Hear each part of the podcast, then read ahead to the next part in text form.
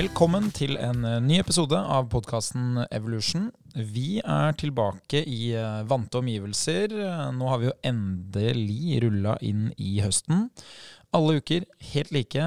Det er mulig å planlegge. Det er bare en høstferie som kan eh, ødelegge. Det er jo en PTs drøm å ha sånne hele uker og lange treningsperioder. Så nå skal vi jo prøve å få folk i gang. Både de som har trent i sommer, og holde de i gang, men også de som ønsker å um, starte et uh, nytt og bedre liv. Velkommen til deg, Sindre. Har du et nytt og bedre liv? Jeg har et nytt liv, uh, men om det er så mye bedre, det tror jeg du så når jeg gikk inn døra her. At det er langt ifra så bra som det kunne vært. Ja. Vanligvis så er jo dette noe som kommer litt lenger ut i episoden, men vi kan jo starte med det med en eneste gang. Ja, vi kan jo det. Du sa til meg, og til alle dere andre som hørte forrige episode, at du skulle da ikke løpe nå til søndag. Det er helt riktig. Du skal ikke løpe halvmaraton, sa du. Jeg sa det. Ja. Og så i løpet av en uke, eh, og du hadde også en god grunn ja. Du drev jo og meldte om at uh, Skulle rehabilitere og bli frisk? Ja, At du, du var ikke kapabel til å løpe. Ja. Uh, du var faktisk Du var for skada til ja. å løpe. Ja. Og så på et eller annet mystisk vis så har ordet ikke forsvunnet fra den setningen. Så nå lyder setningen 'Jeg skal løpe 21,1 km på søndag'. Jeg syns det høres egentlig ganske riktig ut. Det er litt kjipt, Linnea, men uh, han har ikke feil.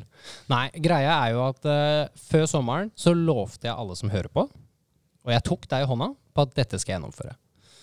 Og så sliter jeg med skade og holder på å rehabilitere, men så tenkte jeg at for fuck's sake. Jeg prøver jo ikke å bli proff. Ærlig talt, jeg spiller jo hobbybasket. Så kom igjen, da. Du kan vel ofre et par uker for å gjennomføre noe du har sagt til alle at du skal gjennomføre. Og selv om jeg ikke har da fått den treningsoppkjøringa som jeg hadde lyst til, jeg har ikke gjort dette noen gang. Jeg hadde jo min første 15 km i går. Så er det noe jeg bare må gjennomføre. Det er ikke alltid at vi får den planen vi vil ha. Det er ikke alltid at det går på skinner sånn som vi vil at det skal gå.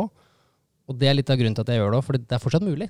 Det blir bare ikke så optimalt som jeg hadde håpa på. Men det blir jo like kult å gjennomføre som det var når man gjennomførte 10 km og hadde trent ganske godt på forkant. Ja, for det du skal ut på nå, det, det er noe annet enn 10 km. Ja, det er jo to av de, da. Ja, for hvis du hadde løpt hele 10 km, snudd deg og løpt hele veien tilbake igjen til start, så mangler du fortsatt over en kilometer. Ja, så det trynet mitt når jeg falt inn i, på finish line der på 10 km Jeg tenker, tenkte jo på det i går, når jeg passerte 10 sånn. Det er ti til. Ja, for I en klassisk 10 km for de aller fleste, når de kommer til 7 km, så begynner de å bli veldig slitne. De begynner også å ha fått nok, men de skjønner at ok, om ikke veldig lenge så er jeg så nærme mål at dette kan gå. Ja. Men når du passerer syv kilometer på en halvmaraton, så er det ca. da det begynner å gå opp for deg at dette går ikke. Dette var en tredjedel! så når du begynner å nærme deg ti kilometer, så begynner du å angre på hele prosessen, og du begynner å lure på hvem er det dette egentlig betyr noe for. Så jeg er veldig spent. Altså, jeg um, Du har jo du har jo kapasiteten til å kunne løpe, så det er jo eh, på en måte positivt. da. Du har godt nok oksygenopptak til å kunne evne å løpe 21,1 km hele veien. Ja. Og så har du jo nå gjort tidenes mest desperate forsøk på å tåle å løpe distansen. For det er jo det andre problemet, at man må ha bein til å løpe det. Så da var du jo ute i går og løp 15 km, eller du var på mølla og løp 15 km. Stemmer. Eh, det betyr vel strengt tatt at du kanskje satt pers i lengdeløping i går? Ja, det lengste jeg har løpt sammenhengende, er jo 10 km. Det er Drammen. Men så sa du til meg her på kontoret at hvis du skal klare å gjennomføre det løpet, så må du løpe 15 i dag. Det anbefaler jeg deg virkelig. Så skal det sies, er det noen som kan kondisjonstrening, så er det vel deg. For jeg har fulgt deg med på Strava i mange år, og jeg vet. Du ender jo, Hvis du kommer deg til mål på sånne, så ender du faktisk opp med å ha over fire mil denne uka her. Det er jo Jeg vet! Det er ikke ofte. Så fikk jeg høre en ting i går kveld Linnea, som var ganske fett. Jeg bor jo på Sinsen. Så fra Sinsen til Lillestrøm så er det 14 km. Eh, det er litt lenger. 17, kanskje? 17, Som betyr da i utgangspunktet at da har jeg faen meg jogga fra jobb og hjem. Pluss litt til. Altså det At jeg kan skryte av det i senere tid, det er ganske fett. Nei, men fra spøk til alvor jeg tror det er viktig da alle som kommer tilbake etter sommeren, de gruer seg til å begynne å trene. For man tenker på der jeg var. Og der jeg var, er ofte veldig mye bedre enn der jeg er. akkurat samme problem som jeg har nå. Jeg har jo, som dere vet, spilt mye golf. Men eh, det er jo ikke så voldsomt mye trening i golf. Du får inn et par skritt, altså du gjør det, men det er jo ikke noe intensivt. Så jeg er jo ikke klar for det her i det hele tatt. Men det er jævla moro å gjennomføre òg, da. Man må ikke være så redd. Man må prøve å gutse litt. For hva er det verste som kan skje, Andreas? Nei, det verste som kan skje, er jo at det blir skikkelig ubehagelig, eh, og at man ikke får løpt på en stund. Ja, og det, Eh, det blir ubehagelig, da. Det tar ja, litt over to Si to og en halv times tid, da. Er det det tar. Da er det ubehagelig i 4-8-10% av søndagen min. Ja. Det er ikke mer ubehagelig etter det. Kanskje dagen etterpå, da, hvis det er sånn som det er i dag. Men altså, det går helt fint. Så er det jo ofte sånn at de som blir skada, de blir ikke akutt skada. Det er veldig få akutte skader i, eh, i løping. Det er jo veldig mange belastningsskader.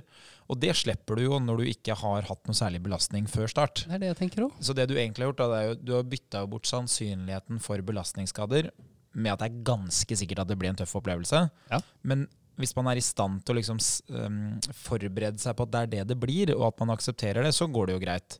Det som ofte er problemet til en del av de som får forferdelige opplevelser med type halvmaraton og maraton, det gjelder nok i større grad maraton, da, det er jo at man har veldig lav grad av kunnskap om hva man egentlig har begitt seg ut på. Ja. Og da får man jo eh, et mentalt sjokk, hvor man skjønner at oi, det her er jo helt krise. Men det mentale sjokket slipper du jo nå, for nå har du jo på en måte fått den 15 km.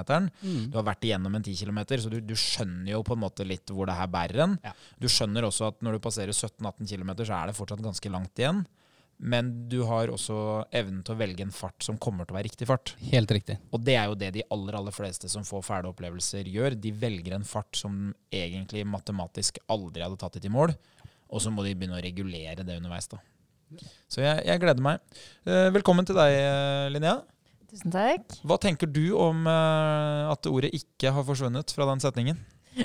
Jeg syns det er veldig sporty av deg. Og sånn som du så ut da jeg kom inn døra her i stad, var jo litt sånn derre Jeg er litt sånn småbekymra for deg, egentlig, men jeg tror Hvorfor det? Ja, men, jeg, det, Hva, hva, hva var det du så når du gikk inn døren?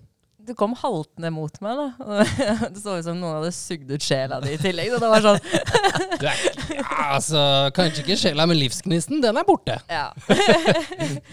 men eh, ja, det kommer jo til å gå kjempebra. Jeg har, eh, jeg har trua, altså. Ja, har du det? Ja, ja, ja. Ja. Du er jo du er, sterk. Hva er oddsene på at jeg gjennomfører, og ikke, imot ikke?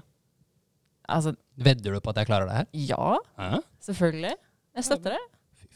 Du er jo eh, det råeste mennesket jeg vet om, så dette klarer du helt fint. Du kan ikke fyre meg på den måten her nå. Jeg sa jeg ikke hadde livsgnist, du. Jeg um, sa jo det til Sindre i går når jeg sendte den ut på det her, da, for det er jo Det, det, det finnes ikke veldig mange som lager treningsprogram som vil anbefale å løpe 15 km på en tirsdag, og så løpe halvmaraton på en søndag. Men fordelen med å gjøre det, det er at hvis det ikke hadde gått, så er det i går det mest sannsynlig ikke hadde gått. Da, da hadde det, da det stoppa seg i går. Eh, mens nå er det faktisk en reell mulighet for at det går, så risikoen tok vi egentlig da med den økta. Men det er jo klart han kommer jo haltende inn her. Da, så du ser ikke akkurat ut som at du skal ned i startblokkene nå. Det gjør du ikke. Men om jeg kan skylde på noe, så er det en lårhøne jeg fikk på mandag. Vi har også begynt med baskettrening, så vi hadde vår første. Gutta er tilbake og samler seg. Bare masse gamlinger som prøver å være i form som vi var når vi var unge og lovende. Fikk en saftig lårhøne. Så jeg skylder på den. Det er derfor jeg går og halter, folkens. Jeg er ikke sliten etter i går. Nei. Det var ingenting. Jeg kunne, kunne gå to sånn, jeg. Det er jo godt nytt, da. Vi får, eh, vi får se. Så den som er veldig eh, interessert, kan jo da få med seg der. Det foregår da søndag formiddag eh, borte i Drammen. Løpet heter Drammen hall. EVO, da, treningskjeden EVO, sponser da Drammen hall. Vi ønsker jo at vanlige folk skal komme seg ut. Du er jo et ganske godt eksempel på, på det. da. Du har jo da ingen løpekarriere, velger å delta på et løp som er bra for helsa. Um, Kanskje ikke helt med den oppskriften du har valgt, men summen av det du har gjort, er jo bra for kroppen. Absolutt. Og så er det som jeg merka forrige gang, jeg grua meg noe jævlig, Linnea, til å gå på et sånt maraton, eller på den 10 kilometeren. For jeg har aldri vært med på et sånt arrangement før. Og jeg grua meg til å se alle som var så flinke. For det er ubehagelig å være den dårligste der. Det er akkurat sånn som når dere går inn på treningssenteret. Det er skummelt første gang, for du tenker at alle er så jævlig mye bedre enn meg. Og så fant jeg ut at nei, det er man ikke. Her er det nivåer til alle mulige, på alle mulige si, leveler. Det er noen der som gjennomførte på 20 minutter, og så er det noen som meg da, som gjennomfører på ganske mye mer, og noen som gjennomfører på enda mer. Men engasjementet, og hvor positive folk var fra start til slutt, det var jo så kult. Det som eh, jeg ofte opplever, da, det er jo at de som står langs løypa heier, og det er det jo faktisk ganske mange som gjør, de heier mer og er flere som heier til de som kommer litt lenger bak. Ja. Fordi ofte så går de som løper først, de, de kommer så kjapt. Det går så kjapt unna. ikke sant? At um, Hvis du har vært og sett på starten for eksempel, da, og, og klappa når noen har begynt å løpe, og så skal du gå og stelle deg et sted i løypa, så har mange av de beste De, de har passert, de. Ja, det er helt sjukt. Liksom, bruker du 29 minutter på å løpe 10 km, så, så går klokka fort altså, for den som skal heie. Ja. Mens bruker du en time, så, så rekker man å stå der og se på, man rekker å se hvem som kommer. Så ofte så er stemningen mye bedre litt lenger bak i feltet enn helt foran. Ja, det er kjempekult. Samtidig så heier man jo ofte på de som man tenker at oi, det kunne vært meg. Men det, det er jo klart når det flyr en kenyaner forbi som knapt er nede i asfalten, så tenker jo ingen at det der kunne ha vært meg. Det, det skjønner jeg jo. Jeg og kompisen min vi, løp, vi passerte fire kilometer. Og da var han på vei tilbake, og det er jo da hans Det blir vel åttende eller noe sånt. da. Og da sier kompisen min hvordan? Hvordan er det mulig? Han flyter jo bortover. Han, altså, det, han toucher jo ikke bakken, som du sier. Han svever jo. Nei, sånn er det. Det er noen som har det, vet du. Uh, Linnea, du uh, har jo også um, fått noen tilbakemeldinger her fra uh, forrige uke. Vi snakka litt om, om et mål, eller vi påtvang deg vel egentlig å ha det som mål, hvis jeg husker riktig. Men hva, hva er det som har skjedd? Ja, eh, det er egentlig ganske gøy. Eh, det er flere som har eh, tatt kontakt med oss nå, og har veldig lyst til å joine meg da, på reisen til min første pull-up slash chins. Jeg, jeg tar den jeg klarer å gjøre først.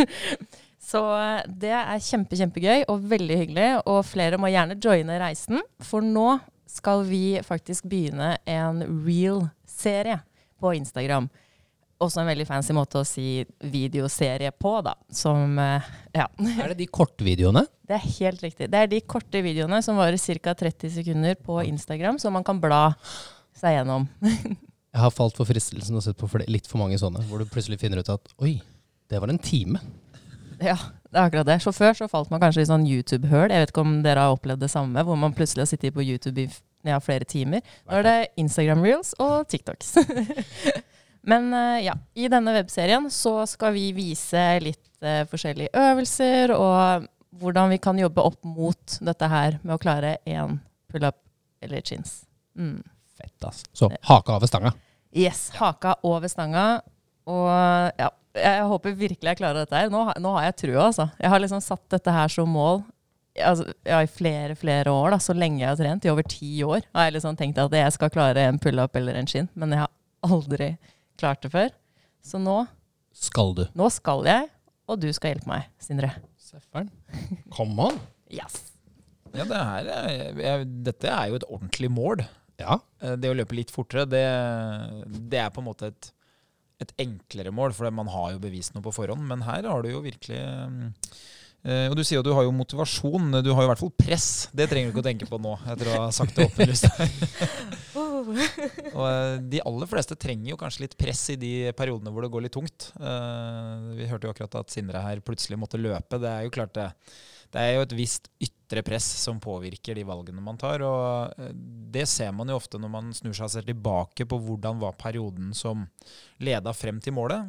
Så er det jo ikke alltid at det er medvind og god motivasjon som har skapt det. Det er jo ofte evnen til å ta gode valg når det gjør litt vondt. Du har jo jobba veldig mye med livsstilsendringer.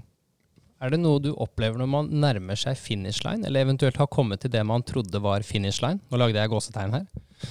Har du opplevd at de setter veldig pris på alle altså mistagene, alle gangene de feilet? Og det plutselig blir en sånn litt sånn magisk ting som gjør at de vil trene mer?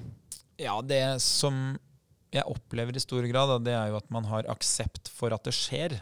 Altså Første gangen det skjer, så blir det som et slags korthus som bare ramler sammen. Og da, da ser det ut som at folk tenker at ok, men da var jeg sjakkmatt. Da slutter jeg. Og så skjønner de etter hvert at ok, men hvis jeg begrenser skadene her og fortsetter, så har det ikke så mye å si. Men så må det ikke skje for mange ganger heller, for da vil bare perioden som fungerer bra, opp mot gangene det går dårlig, bare nulle ut hverandre. Men ofte, da, hvis man har kommet så langt som du sier, da, at man kommer seg til si eh, at det handler om vektreduksjon, da, at man faktisk kommer seg ned på det nivået man ønsker, så har man ofte skapt en ganske god selvfølelse. Man har fått litt selvtillit på at man mestrer eh, de situasjonene som dukker opp. Og ofte så ser man òg at det smitter litt over på andre ting. Da. Så det som skjer gjerne før man har kommet seg i mål, er jo at man kanskje har forelska seg litt i den type livsstil. Da. Og da får man sånne rare utskeielser som at folk eh, kan dukke opp og si at du, jeg har forresten meldt meg på et løp, selv om vi ikke har løpt en meter sammen på trening. Vi har trent styrke og fulgt kostholdsplan, f.eks. Eller så kan det være sånn du, jeg har bytta jobb, jeg nå. Så er det sånn, ok, den personen som kom inn her for ett år siden, var jo da ikke veldig tøff, eh, og ikke en person jeg så for meg at hadde kommet å tatt så radikale avgjørelser plutselig. Men det er veldig morsomt å se liksom at det å, å tåle nedturer da, og beherske de, gjør ofte at man kan uh, utsette seg selv for litt tøffere situasjoner. Da. Det er, bare, det er så inspirerende. Ja, det, men det er jo litt sånn, Man tenker at det gjelder da alle andre, men det gjelder jo oss selv òg. Du ser jo for din egen del nå, ikke sant, hvor uh, Det hadde jo vært veldig fornuftig å ikke løpt, men samtidig så blir det litt sånn Um, som jeg har snakka med en del rundt meg om, da, som har drevet mye med idrett, og som jobber og har litt sånn forskjellige ansvarsoppgaver. at skal du, skal du, våkne opp i dag og plutselig være en person som begynner å skuffe deg selv? Det ville jo vært veldig vanskelig når du har unngått å skuffe deg selv så lenge. Og Det er jo det du kjenner litt på nå. At eh, ok, men her har jeg jo sagt til folk at, eh, at jeg skal løpe. Og så er det jo ingen av de menneskene som kommer til å holde deg ansvarlig etterpå. Eh, mest sannsynlig så kommer de ikke til å få det med seg engang. Men man bare bygger opp en sånn eh, omgangskrets da, ja. hvor, hvor, liksom den avgjørelsen jeg tar nå, den betyr mye for de som følger meg. Yes. Og så har du lyst til å fullføre, for du har ikke lyst til å skuffe dem. Og så er det egentlig deg selv du, eh, du dytter i riktig retning. da. 100 Det er jo akkurat det det er også. Mm. Så det blir jo spennende å se da, Linnea, om det smitter over på dette pullups-forsøket. Hva, hva ville du valgt der du er i dag? Ville du valgt chins eller pullups, eller hva? Her, her i dag så ville jeg gått for chins, fordi det veit jeg er litt lettere for meg å gjennomføre, i hvert fall. For jeg er jo egentlig relativt sterk i arma. Og når jeg da tar chins, så får jeg brukt mer av armmusklene mine enn jeg får gjort i pullups, da. Hvorfor? Fordi når man tar chins, så har man håndflata mot seg. Og da får man brukt mer av bicepsmuskler. men hvis man tar pullup, så har man håndflata andre veien, og da er det litt vanskeligere å engasjere de musklene, da, for da er det litt annerledes. Ja. Det er en sånn rar greie, fordi uh, pullups er jo det mest populære. I hvert fall som jeg observerer, da. Mm. Uh, og det er litt rart at man da har valgt den tyngste løsningen. For når du ser på teknikk og valg av øvelser, så velger jo folk ofte det som de kan ta mest av. Mm. Så man skulle jo tro liksom at hvis du kunne ta ja, jeg vet ikke, jeg har ikke lest noen studier på differansen her, men jeg vil anta at det er en differanse på sikkert 20% med en gang du får lov å bruke uh, bicepsen mer da, ja. for å trekke det opp. Uh, men det skyldes jo i stor grad at uh, folk er ute etter å trene ryggen. Så de velger en øvelse som belaster ryggen mest mulig. Så det er jo, det er jo derfor det blir tungt, og, og, i tillegg hvis du har stor bredde mellom hendene, altså at grepet ditt er bredt, da, gjør det jo bare enda tyngre. Hvis du har lyst til å føle litt på hvor, forskjellen på det, så gjør du det i nedtrekk. Så prøver du å holde på den bredeste punktet av nedtrekkstangen og gjennomføre så mange repetisjoner du er vant til. Og så prøver du å holde på den innerste punktet av stangen med håndflaten pekende mot ansiktet ditt. Og så prøver du en ting som er midt imellom. Da vil du merke ganske fort hva Andreas prøver å forklare her. Ja, for da får du egentlig tre nivå. Så hvis ja. du har samme vekt, så vil du kjent at det var veldig mye lettere innerst og veldig mye tyngre helt ytterst. Ja. Har du sånn top of mind, Sindre, har du noe forslag til til to-tre ulike ting som kan inngå. Eh, til de nå som tenker at oi, jeg har egentlig lyst til å hive meg med på, på det her. Hva, hva ville du gjort hvis, hvis, jeg kan ta null? Da blir det ikke veldig aktuelt å skrive i treningsprogram at du skal ta pullups, for, for null gir ingen effekt. Nei. Har du noen forslag til hva man kunne ha gjort? Absolutt. Jeg ville jo i og med at målet er å løfte sin egen kroppsvekt, og målet da er egentlig å gjøre det én gang, i og med at vi er på null, så vil tanken min instinktivt være at vi må trene ryggen ganske tungt. Vi må finne en belastning som er ganske tung, og prøve å bli sterkere over tid. Så jeg ville kjørt noen tunge varianter av eh, f.eks. nedtrekk, hvor vi da jobber på Jeg ville ikke jobbet på så mye tyngre enn tre til fem repetisjoner. Målet er å virkelig bli, få bli sterkere. Logge den øvelsen der. Det samme ville jeg gjort med roing. Og så ville jeg valgt en bicepsøvelse. Rett og slett litt som du sier da, hvis vi får potensielt 20% noe som jeg også anser som ganske riktig, så vil du kunne få mer styrke der. Du vil få mer hjelp av armene på sikt. Det samme vil du da gjøre av ryggen, både i en nedtrekkvariant og en rovariant. Og når du begynner å nærme deg Jeg vil jo alltid, kanskje hver fjerde uke eller hver tredje uke, litt avhengig av hvor du er fra null. Så hvis det er sånn at du nesten klarer én, kanskje teste litt oftere, så vil jeg prøve å teste pull-up. Og da også gjort det med strikk. For det blir en veldig stor forskjell når du går fra nedtrekken til pull-upen, og det er fordi nå blir det ustabilt. Når du sitter i nedtrekken, så sitter beina bom fast inni en sånn klemme som gjør at du ikke løfter deg opp. Det gjør du ikke noe ut av pull-ups. Da henger du og dingler, og hvis du har en strikk i tillegg da, så vil den bli med der du legger vekta. Og det er noe jeg opplever med mange av mine kunder, at første gang de da prøver pull-ups med strikk, så går strikken vertikalt. For de blir bare med og har ikke gjort dette før. Så det å da bli litt kjent med balanseutfordringen som er i en pull-up, kan være lurt underveis, bare så det ikke blir en sjokkerende overgang. Men tre gode øvelser da, oppsummert kort. Noe tungt biceps, noe tungt nedtrekkvariant og en tung ro-variant. Ja, og så kan man da se om man får det til. Hvis man ikke får det til, så kan man bruke strikk eventuelt. Yes. Hva tenker du om sånn ehm, Altså, det å trekke seg opp er jo en konsentrisk bevegelse hvor eh, muskulaturen trekker seg sammen. Ja. Og så har man jo da muligheten til å gjøre en eksentrisk bevegelse, altså en type brems. Det som er veldig mange, kan, Hvis dere er mer kjent med begrepet negative Ja. Bremse-pullups er også en veldig fin måte å si det på. For der er du jo mye sterkere. Du kan jo holde igjen mye mer vekt enn det du klarer å løfte. Hva tenker du om å ha sånn type benk, klatre opp, starte med haka over og bremse Noe jeg gjør med mange kunder, spesielt når vi begynner å nærme oss. Når vi begynner å se at nå nærmer vi oss faktisk å få til en repetisjon. Da gjør vi det du sier der. Da får jeg de til å klatre opp, så de starter i, med haka over stanga. Så du starter egentlig på toppen av løftet. Og så skal du holde igjen så lenge du klarer, til du er helt strekt ut.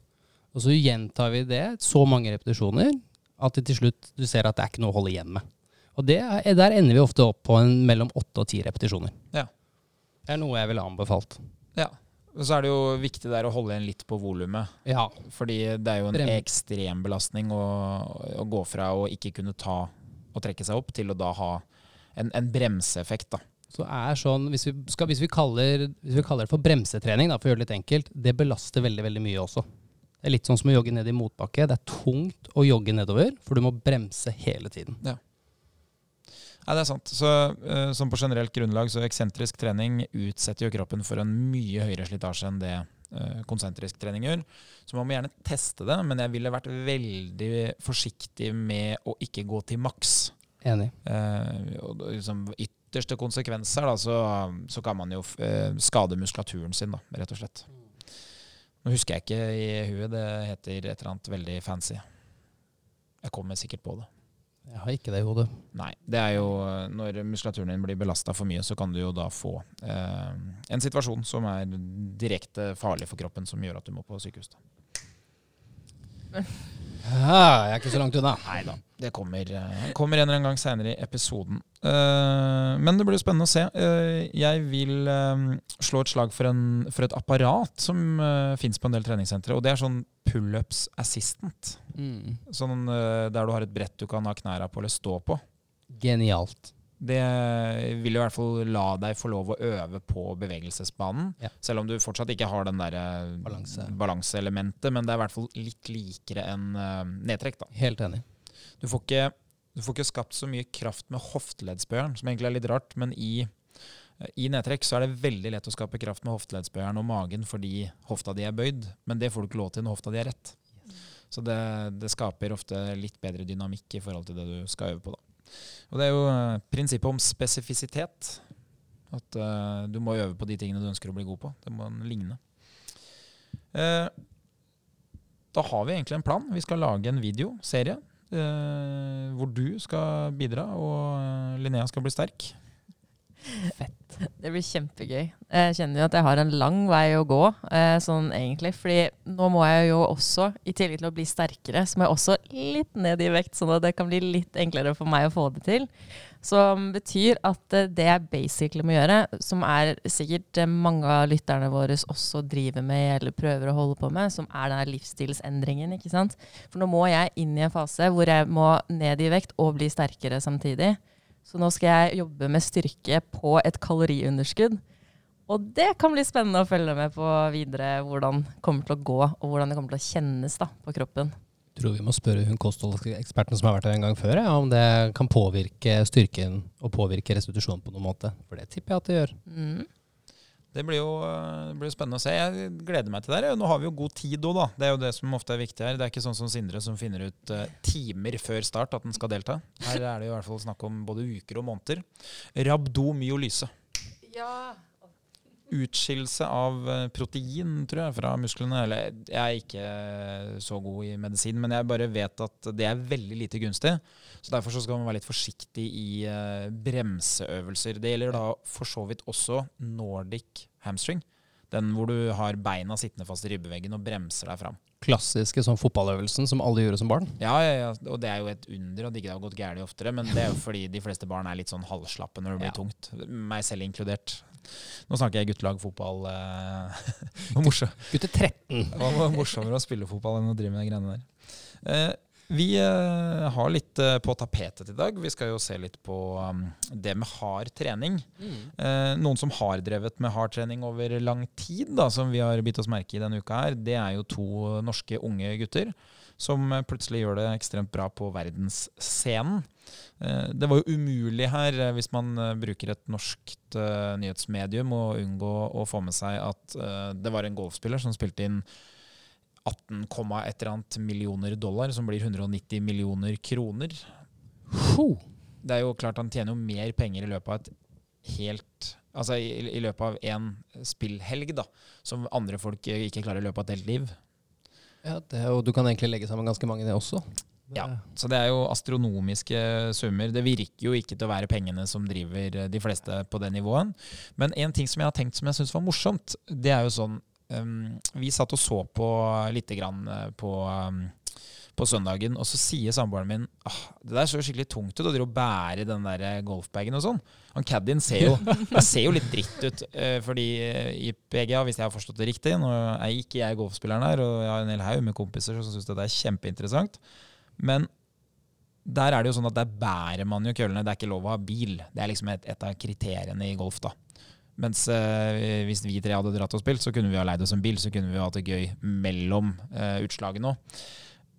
Men Caddin tror jeg har en avtale med spilleren som tilsvarer at Caddin får 10% Så det er klart, han som gikk rundt der og sleit seg ut og bærte køller Jeg kan bære køller en helg hvis jeg får 19 millioner kroner for det. Jeg kan sove med den bagen stående. Det er ikke noe problem. Den drasser jeg med meg aleine sjøl. Jeg tror jeg skulle kunne båret alle bagene til de 30 deltakerne hele helga for 19 millioner. Uten at jeg Med et godt smil om munnen. Ja, jeg tror jeg skulle ha sagt at uh, 'this is my best weekend ever' til alle. Så nei, det er jo, det er jo morsomt. For all del, de caddiene er jo ekstremt dyktige. De er jo gode Ja, ja, ja. sjøl, så det er jo ikke en tilfeldighet. Men det bare ser ut som en sånn pakkeeseljobb.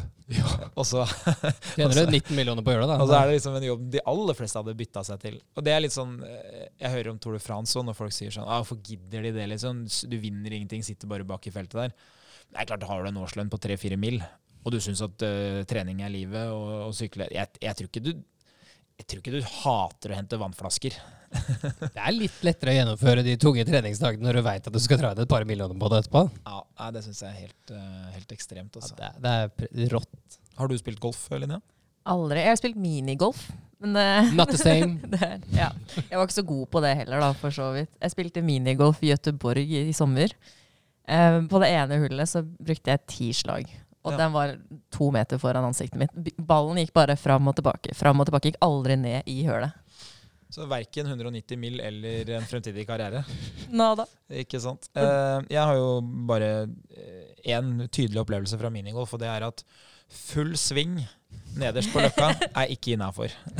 De, som- de som eier den golfbanen, de liker ikke eller minigolfbanen, de liker ikke full sving fra utslaget. Hæ? Forståelig nok.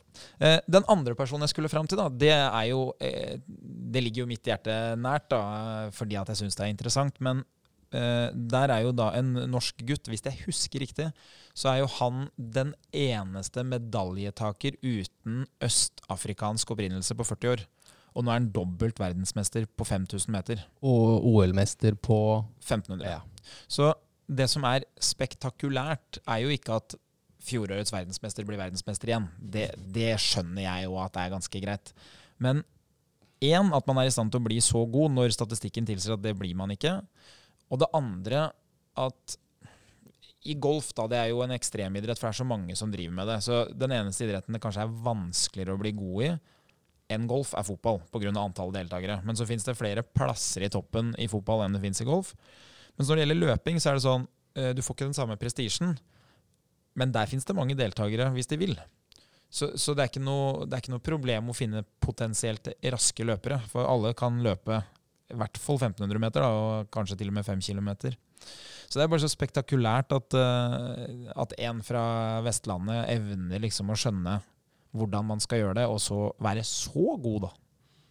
Og det jeg alltid syns er interessant, det må være vanskeligere å være en ener og skal bli en ener en gang til, enn å være en andreplass og skal bli en ener.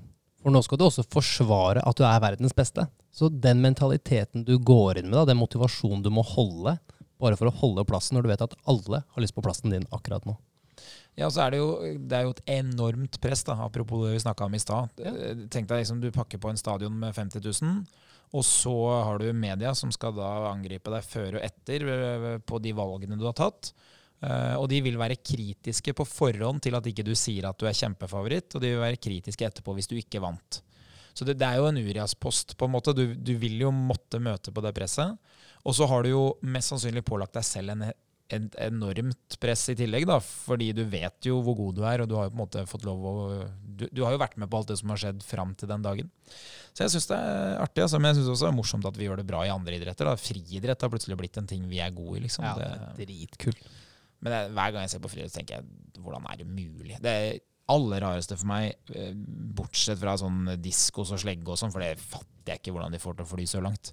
Men det er jo stavsprang det er jo Altså, når du ser det bildet av han uh, Dublantis den, Det ser ut som han fisker laks. Altså, den stanga er jo bøyd som en fiskestang. Og at du da evner å alltid være sånn et sted rundt 20-35 cm unna lista i den banen du velger, det skjønner jeg ikke er mulig, altså. Nei. Nei, det, Nei, det er så rått. Vet du hva, Jeg sitter med hjertet i halsen når jeg ser på stavsprang hele tida. For jeg, jeg, tenker ikke land på lista. Ikke land på lista. For hvis du ramler ned fra si seks meter da, ned på den tjukkasen, og den lista som er da i hardplast ah, ja. Så jeg, jeg takler nesten ikke å se på dere. Altså. Men jeg blir så fascinert når de faktisk knekker den pinnen. Og de går og gjennomfører det en gang til fem minutter seinere. Ja, ja. Det er jo, det er hockeymentalitet. ja, men det er akkurat det jeg mener. Eller når de ramler. Det har jeg aldri skjønt. Når du ser de, Av og til så hender det at de må avbryte midt i spranget. At de klatrer ned uh, pinnen, f.eks. Eller at de ramler utafor, jeg har sett. Og da gå tilbake og ta ny løpefart. Det er galskap. Ja. Eh, jeg har faktisk en onkel som er norsk mester i eh, stavsprang på 70-tallet. Har du det? Ja. Eh, det har ikke medført at jeg driver med stavsprang, da, sånn. det er ikke i nærheten. La oss hoppe videre til den harde treningen.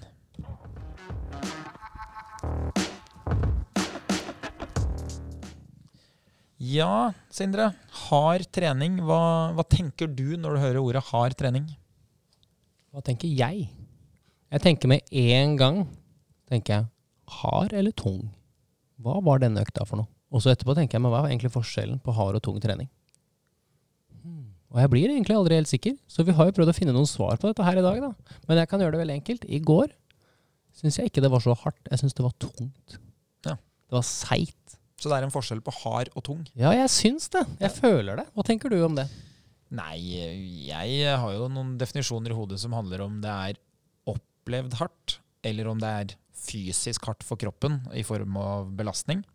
Og det, det handler jo kanskje litt om kunnskap, da. Men, men, det er jo en vesentlig forskjell for meg om det, om det var tungt mellom øra, eller om det var tungt for kroppen sånn i forhold til den fysiske kapasiteten jeg har, da.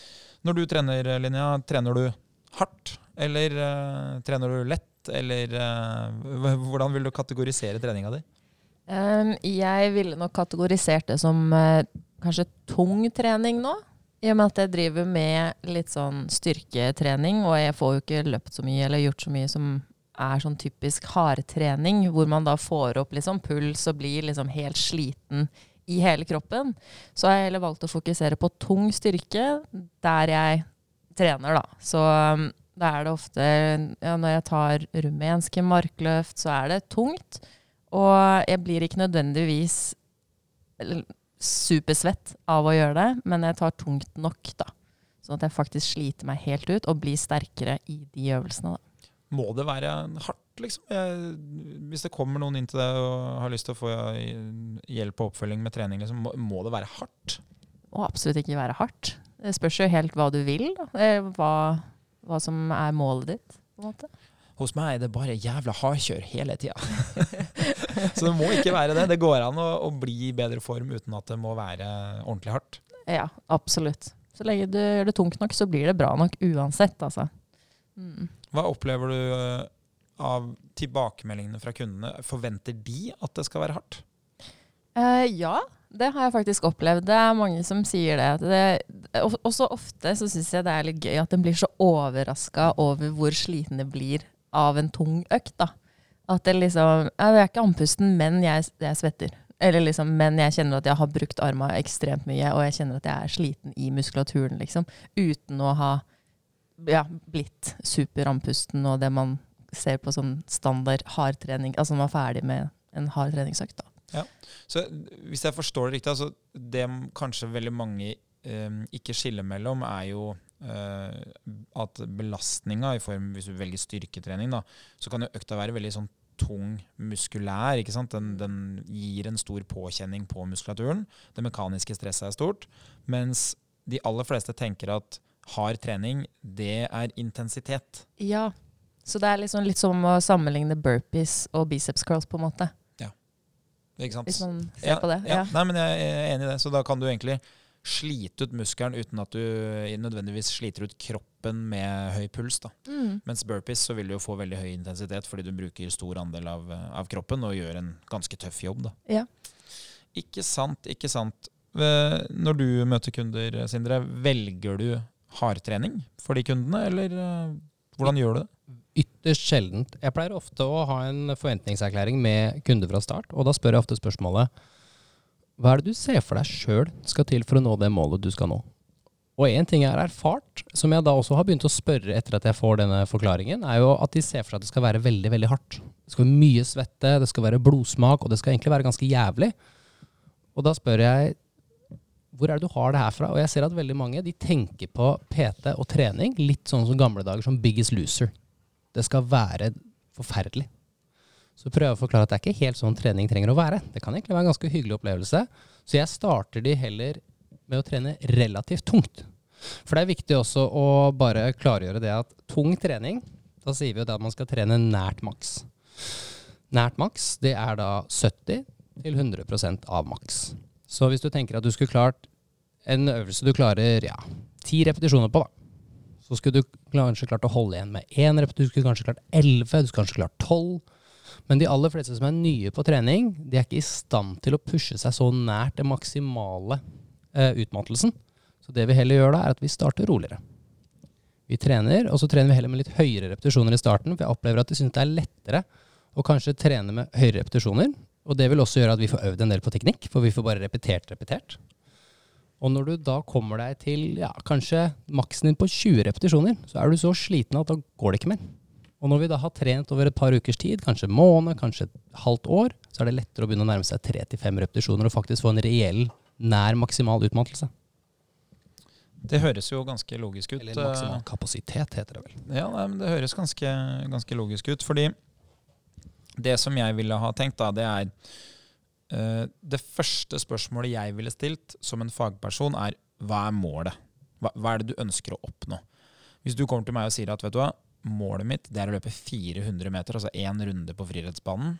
20 cm fra lista i bane 1, uh, for å være nøyaktig. Så da må vi trene hardt. Yes. Fordi det er jo en øvelse som er veldig anstrengende. Det krever jo vanvittig til energifrigjøring, så da må vi jo trene på det. Det er ikke sikkert det betyr at vi skal trene hardt i dag, når vi starter. Det kan hende at vi må trene rolig fordi vi ønsker å øve litt på teknikk, som er veldig vanskelig med høy intensitet. Det blir som å legge på det tyngste du klarer i benkpress, og så skal du teknikktrene mens det er det tyngste du klarer. Det, det er litt vanskelig å få til samtidig. Ja. Så det første jeg ville spurt om, er jo hva er det du ønsker? Og da er det jo mange tilfeller sånn at de fleste de ønsker å komme i form.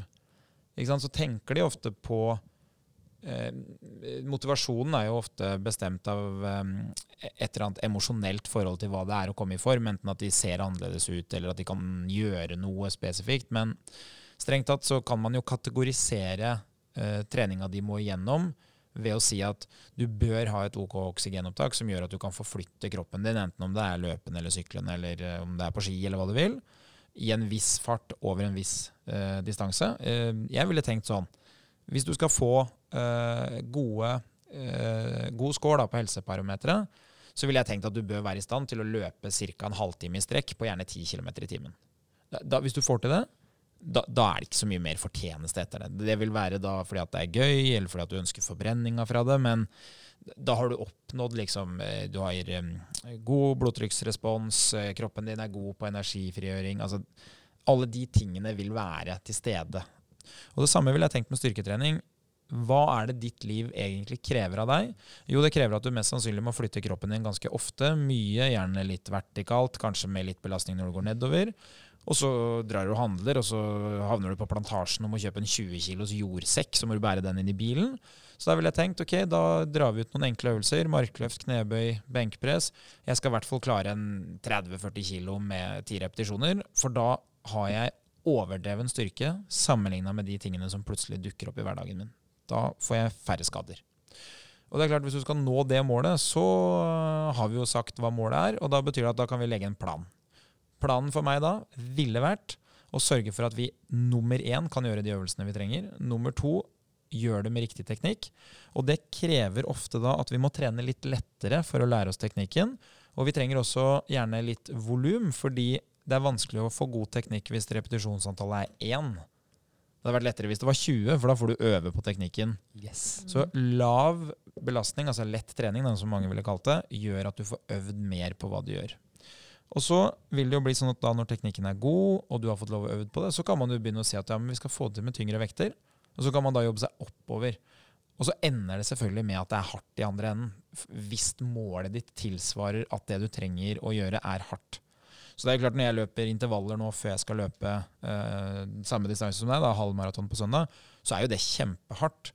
Men det er jo bare fordi at jeg har sagt at målet mitt er å løpe kjempehardt i 21 km og formen min og nivået jeg er på, tilsvarer at jeg kan tåle å løpe kjempehardt. Mens eh, i ditt tilfelle, Sindre, så det vil være veldig dumt å legge ut i kjempehardt eh, i form av intensitet, da, for det vil ikke vare til mål. Yes. Så du må egentlig velge rolig trening på søndag, og så må du håpe at kroppen tåler volumet du skal gjennom. da. Yes. Så, så det er liksom hoved, uh, hovedessensen i hvordan jeg tenker sånn uh, Er det hardt, er det ikke hardt?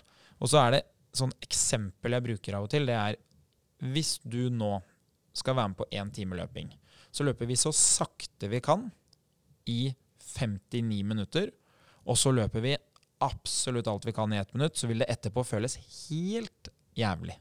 Det vil være så hardt at du nesten har lyst til å kaste opp hvis du kan løpe da alt du kan i 60 sekunder på slutten her. Men det betyr ikke at treningsøkta har vært så hard. For de 59 minutter av det var jo kjempelett. Mens hvis du sier at du hadde løpt jevnt så hardt du klarer i 20 minutter, så ville du nok ikke vært så dødsliten når du er ferdig med 20 minutter. Men kroppen har jo blitt belasta mye mye mer, så det var jo en mye hardere trening for kroppen enn den der eh, avslutninga med spurt. Og det merker jeg at en del mennesker ikke helt catcher at det er forskjell på om det var tungt for kroppen eller tungt for hodet. Og det opplever jeg ofte. Det kommer De menneskene forstår det ofte naturligvis etter de har trent en stund og man har opplevd litt av forskjellene. Sånn som man har kanskje endelig klart å løpe en halvtime, så klarer man faktisk å måle litt av forskjellene i egen kropp også. Jeg ser jo det at hvis man ikke har trent så mye, så har man ikke den forståelsen på hva smerte er. Er jeg utslitt? Har jeg strekk? Har jeg vondt i muskelen fordi den er sliten? Eller er det en skade? Mens de som har trent sånn som deg, du kan jo komme inn her og ha vondt i ryggen, og så sier du ja, men det er fordi jeg har løpt mye, det er bare belastningsskade, det går fint. Mens en annen ville kanskje vært veldig redd gå til legen, sjekka det ut, og så finner du ut at nei, du har trent hardt, du er sliten. Trenger litt hvile. Ja, det er sant. Det er jo kanskje lettere å akseptere at man har vondt når man veit at man har bedt om det. på en måte. Eh, og det opplever jeg med en del kunder, at når de begynner å trene fast, så aksepterer de at de har eh, Fordi de vet at uh, dette er kalkulert risiko. Dette har jeg bedt om. Og så vet de også at det kommer til å gå over når jeg slutter å gjøre det som sørger for at det skjer og så tilpasser man. Har du merka det, Linnea, at uh, en del av kundene de koker litt i starten når du begynner å påføre de styrketrening? At i pausen og sånn så ser du at de er ordentlig slitne, men etter at de har trent med deg en stund, så plutselig takler de det å ha høy intensitet ganske godt? Mm, jeg merker stor forskjell på dem, og de merker det sjøl også. Som i starten, hvor de på en måte De var jo ikke vant til den belastningen, vant til å liksom bruke kroppen sånn som de har gjort. da. Uh, og da ser de jo, og de kjenner jo sjøl at de puster og ser seg selv i speilet og bare 'herregud, nå er nå jeg dau', liksom. Mens går det noen uker, måneder, så er det liksom Det, her, det går fint. De bare, nå puster de bare ned i bakken og bare OK, nå. Okay, Klar for neste, liksom. De bare aksepterer livet. Så kult. Mm. Hvordan, eh, hvordan type økter er det du har som du vil kategorisere som de harde øktene? Hva gjør dere da? De harde øktene, da Jeg kjører jo som regel mest eh, bare styrketrening hos mine kunder. Um, og da er det jo ofte de øktene hvor vi gjør da de flerleddsøvelsene som markløft, knebøy og benkpress, og de øvelsene hvor man bruker da flere ledd i kroppen, og ikke isolasjonsøvelser som er da de med bare leg extension eksempel, som bare trener fremside lår. Så ja, de øktene med litt tyngre belastning og flere repetisjoner, da er det en hard treningsøkt hos meg. Ja, Og da, det ser du også på, på de som trener? Ja, Det gjør du. Det er jo litt morsomt, fordi det du nevner der sånn med, med det å isolere en muskel, da, vil jo sånn eh, rent eh, belastningsmessig være mye tyngre for den muskelen som blir isolert, Mm. enn i en flerleddsøvelse hvor det fins en eller annen nabo som kan hjelpe til. Mm. Eh, Så i en knebøy da, så har du jo forside lår, men hvis du bytter litt på vinkel i kneledd og hofteledd, så har du plutselig setemuskelen som kan gjøre mye jobb. Mens det er veldig veldig vanskelig å gjemme seg i leg extension når du sitter i en stol og sparker framover. En av de få som faktisk er en ettleddsøvelse. For bicepskøll så er det jo håndleddet må jo stive av, så man tenker ikke på det at uh, egentlig så fins det Hvis du hadde bøyd håndleddet plutselig, da, så hadde det blitt mye lettere. For da hadde jo vektarma blitt kortere. Så avstanden fra omdreiningspunktet som er i albuen, til stanga blir kortere hvis du bøyer albuen. Nei, bøyer håndleddet, men eh, bøyer albuen må du gjøre uansett. Det er veldig morsomt når du står og ser på folk som trener. Så ser du om de velger god teknikk og har funnet maksbelastninga, eller om de bare endrer teknikken underveis fordi at det var viktigere å få til det de løfter. Mm. Det, er, det fins mange sånne øvelser jeg syns er veldig gøy. Og de største synderne er jo gutt mellom 20 og 30 år. ja, det kjenner jeg meg igjen i. Jeg brukte jo da også brystkassa som trampoline en del ganger eh, for å få opp nok vekt i benkpress. Ja, jeg gjorde det samme i knebøy, hvor jeg bøyde meg ned til der jeg mente at eh, her kan vi ikke gå dypere. Det er ikke vits å gå dypere. Dette er dypt nok. Så Ja. ikke jeg se en video av meg selv, så er det sånn ikke er jeg 90 grader engang. Og så Du valgte rett og slett å gjøre eh, litt for hofta og litt for kneet, Helt riktig. men, men helst ikke så mye for noen av de. og du vet akkurat hvordan det ser ut. Det er litt sånn Å, det var tungt! Er så sterk! Så klarer du ikke se halvparten av vekta med helt ned i bakken engang. Nei, og det er jo klart um, Hvis du hadde drevet med idrett, fotball f.eks., håndball, basket, så ville jeg kanskje hatt høy belastning med kortere bevegelsesbane. Mm. Men sånn, øh, for muskelen sin del så vil jo lang arbeidsvei være det tøffeste.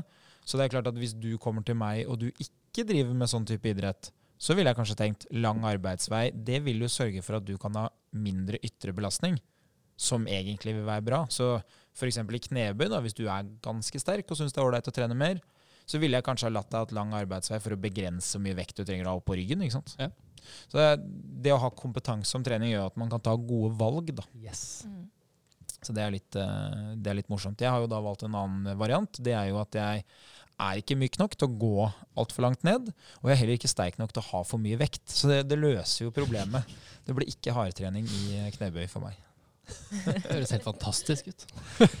Nei, men jeg håper jo folk har kanskje fått litt sånn um, hjelp da, til å, å skjønne liksom Trenger man hardtrening? Trenger man ikke det? Um, en sånn type trening som jeg ofte tenker at mange føler at det er litt sånn hardtrening, bortsett fra intervaller og sånn, kan jo være litt sånn spensttrening og sånn. Yes. Det er jo noe du uh, gjerne bruker en del, da, som Ja. trener faktisk uh, idrettsutøvere. Stemmer. Hvordan kan en typisk spenstøkt se ut, liksom? Altså, hvis vi bare starter med å forklare hva spensttrening er, det er jo utvikling av eksplosiv styrke og kraft. Og måten vi gjør det på, det er gjennom raske muskelsammentrekninger med strekkbevegelser. Så for å forklare dere det på en litt mindre akademisk måte, dra en strikk og slipp den. Det er spensttrening. Du strekker muskelen, og så skaper du eh, kraft så raskt du kan. Så et eksempel på det er å da gå ned i en knebøy og hoppe så raskt du kan når du kommer til det punktet du ønsker å hoppe fra. Eh, og måten vi gjør det på, det er jo da å finne forskjellige måter å bruke leddene på for å få sånne raske muskelsammentrekninger, så vi kan få den kalde strikkeeffekten. Og det, det som er litt morsomt med spensttrening, er at du skal ikke bli så sliten. Så det er egentlig ganske forvirrende for de aller fleste. Fordi du skal gi deg før det begynner å bli utmattende. For det handler om kvalitet. For da trener man, for hvis man skal gå litt dypt ned på det, så fokuserer man mer på en annen type muskelfibre. Man har jo da primært to forskjellige. En utholden og en veldig eksplosiv. Og den eksplosive den har ikke så mye kapasitet, så den blir ganske fort sliten. Lenge før den utholdende blir. Du kan jogge megalangt. Men hvis jeg skulle bedt deg nå hoppe så høyt du klarer, og så skulle vi sett hvor mange ganger du klarer å hoppe like høyt, så vil nok ikke det være mer enn tre-fire ganger før du begynner å bli litt dårligere. Og da hadde jeg sagt at nå tar vi en pause. Så du hopper kanskje, du har kanskje elementer da, hvor du har totalt mellom 60, 70, 80 hopp på en treningsøkt. Så har du gode pauser imellom. Så du føler deg egentlig aldri sliten. Så du blir veldig forvirra på om dette er en tung treningsøkt eller ikke. Ja, ikke sant? Nei, men da skjønner jeg. Så du blir jo egentlig veldig sliten fordi belastninga er høy. Men det er ikke sikkert at du blir veldig svett. Nei, og du vil Jeg opplever det med de Det gjør, gjør det jo en, stor, en god del med basketspillere. eh, og de merker det ofte De beskriver det som at jeg kjenner at jeg har brukt beina, eller eventuelt da overkroppen, men at den er sliten på en litt annen måte. Jeg mangler det siste kruttet, eller den siste kicket. Det er ikke noe eksplosivt der. Jeg klarer å bevege kroppen, men det går ikke så fort som jeg liker å gjøre det. Det er jo som å spurte etter en maraton. Ja. Du løper alt du kan, og så løper du da i eksakt samme fart som du har gjort i eh, 42 km. Det er jo helt sant. Det ser veldig rart ut. Eh, Jeg har hatt det mange ganger, og det er jo den perfekte oppskrift på eh, å løse et halvmaraton eller et maraton, sånn tidsmessig. Det er jo å gå tom akkurat i riktig avstand til at liksom, sluttspurten skal gå. Da. Si at du har kanskje en kilometer å by på før du er så tom at du ikke kan løpe mer. Fordi på kilometer ti så kan du ikke gjøre det, for da kommer du deg ikke til mål. Så du kan ikke starte med å løpe fort og hente den gevinsten, men du kan avslutte med det fordi du skal ingenting etterpå. Ja. Så du tåler å løpe da mens det blinker ganske rødt på slutten. Og, og det som da hadde vært perfekt, det er jo at du egentlig hadde vært ganske tom med én kilometer igjen, og så kjører du den blinke rødt-kilometeren inn i mål. Og da gjerne at du er så sliten at eh, når du føler at nå kjører jeg langt over evne, så er det ca. samme snittfart. Fordi hvis du hadde holdt igjen helt til du mangla én kilometer, så ville du ha tapt mer tid enn det du får igjen ved å løpe fort. Og hvis du eh, hadde gått tom for tidlig, si at du hadde hatt tre kilometer igjen og ikke én, så ville du tapt så mye på de tre kilometerne. Så en sånn perfekt oppskrift, det er jo når man egentlig da eh, føler at ok, dette var stopp, og så gir man jernet, og så ser man i mål at det, det som er morsomt, er at inn i mål så tror man at man har løpt kjempefort på slutten, og så begynner man å se på splittidene. da, Se liksom hvor lang tid brukte jeg fra siste kilometer og inn i mål. Jeg har løpt akkurat like fort. jeg. Så jeg hadde en sånn runde når jeg løp eh, maraton i Frankfurt en gang, hvor jeg var helt sikker på at eh, han som var fartsholder, som hadde ansvar for å løpe i jevn fart, som gjør at alle vi som følger han, kommer til den tida vi vil, jeg var helt sikker på at han økte farten. Nå, nå gjør han ikke jobben sin bra nok. Nå har han begynt å dra opp farten her med fire kilometer igjen. Og eh, ja, Så lenge jeg følger han, så blir jo tida kjempebra, men jeg ble litt irritert òg, for jeg var jo så sliten, og målet mitt var jo ikke å løpe eh, på 2,57, da det var jo å løpe på tre blank, ikke sant. Men sannheten var jo at han dro ikke opp farta. Det var jo bare at eh, jeg hadde passert middagshøyden og var på vei nedover. Men gikk det veldig bra, da. Det blei 2,57, så jeg skal ikke klage, men uh, ja, takk. Det er deilig å få applaus for noe som skjedde i 2017. Det setter jeg pris på.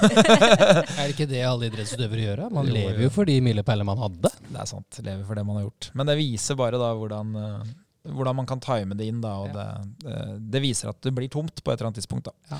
Jeg tror vi skal si at vi er tomme på tanken her òg, og Helt enig. gi oss for i dag. Nok en gang da, så vil jeg jo takke for at folk eh, hører på oss.